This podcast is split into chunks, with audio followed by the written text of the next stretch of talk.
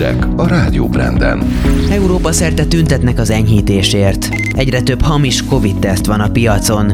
Repülési rekordot állított fel a Lufthansa. Köszöntöm Önöket, a nagyvilág híreit Varga Zelántól hallják.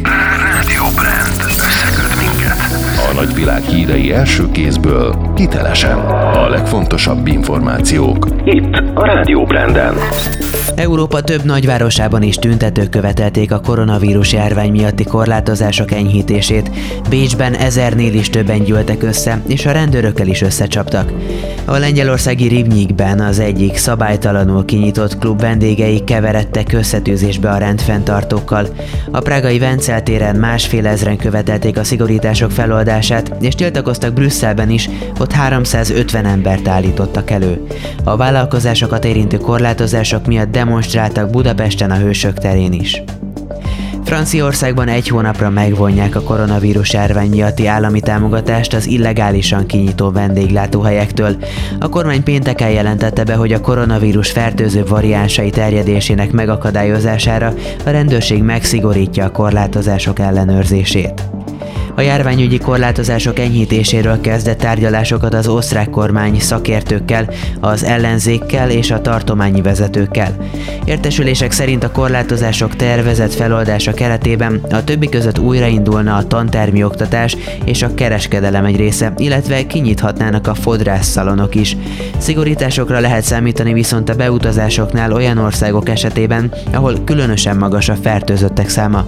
A határon át ingázóknak pedig kötelező koronavírus tesztet írhatnak elő.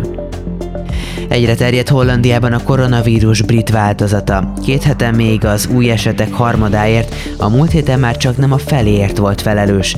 Naponta csak nem 4300 új fertőzöttet azonosítottak, ami csökkenő tendenciát jelent a korábbi hetekhez képest. Hírek szerint a kormány az általános iskolák újranyitását és a kiárási tilalom feloldását fontolgatja.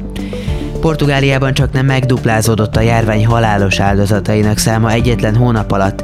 Januárban majdnem 5600-an haltak meg a koronavírus okozta szövődményekben. Az egészségügyi rendszer mára annyira túlterhelt lett, hogy a Lisszaboni kormány nemzetközi segítséget kért. Erre eddig csak Németország és Ausztria válaszolt. A tervek szerint német orvosok készíthetnek elő súlyos állapotban lévő betegeket az átszállításra osztrák kórházakba. Olaszországban megteltek a bárok, a presszók és az éttermek teraszai a három hónapja tartó szigorú korlátozások enyhítésének első napján. 20 tartományból 15-ben nyitottak újra a vendéglátó egységek. Február 1-től hétköznapokon nyitva lehetnek a múzeumok is.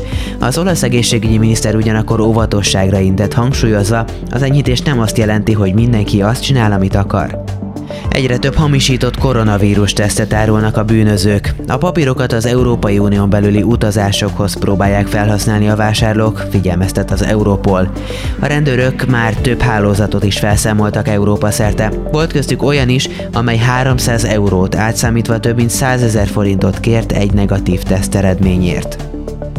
Évekig tartó tárgyalások után jelentős értékű műkincseket szolgáltatott vissza Egyiptomnak a Washingtoni Biblia Múzeum. Az antikvitások között ókori koporsók, múmiák, halotti maszkok, papíruszok és más tárgyak is megtalálhatók. Ezeket illegális ásatásokból lopták el és csempészték ki az észak-afrikai országból, az amerikai fekete piacon is megjelentek. A visszakerült értékes műtárgyak a kairói Kopt Múzeumba kerülnek. Új repülési rekordot állított fel a Lufthansa, részben kényszerből. A járvány miatt átszállás nélkül kellett német klímakutatókat a déli féltekére juttatni, így a különjárat Hamburgból egyenesen az Atlanti-óceán déli részén fekvő Falkland-szigetekre repült. A 15 óra 36 perces út volt az eddigi leghosszabb utasszállító járat a német cég történetében.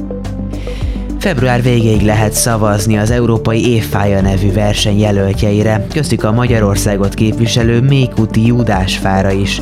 A 11-szer meghirdetett európai megmérettetésben két fára szavazhat mindenki az esemény honlapján. A népit szerint a Júdásfa virágai Jézus vérét szimbolizálják, a lapos magvak pedig a Júdás pénzre utalnak.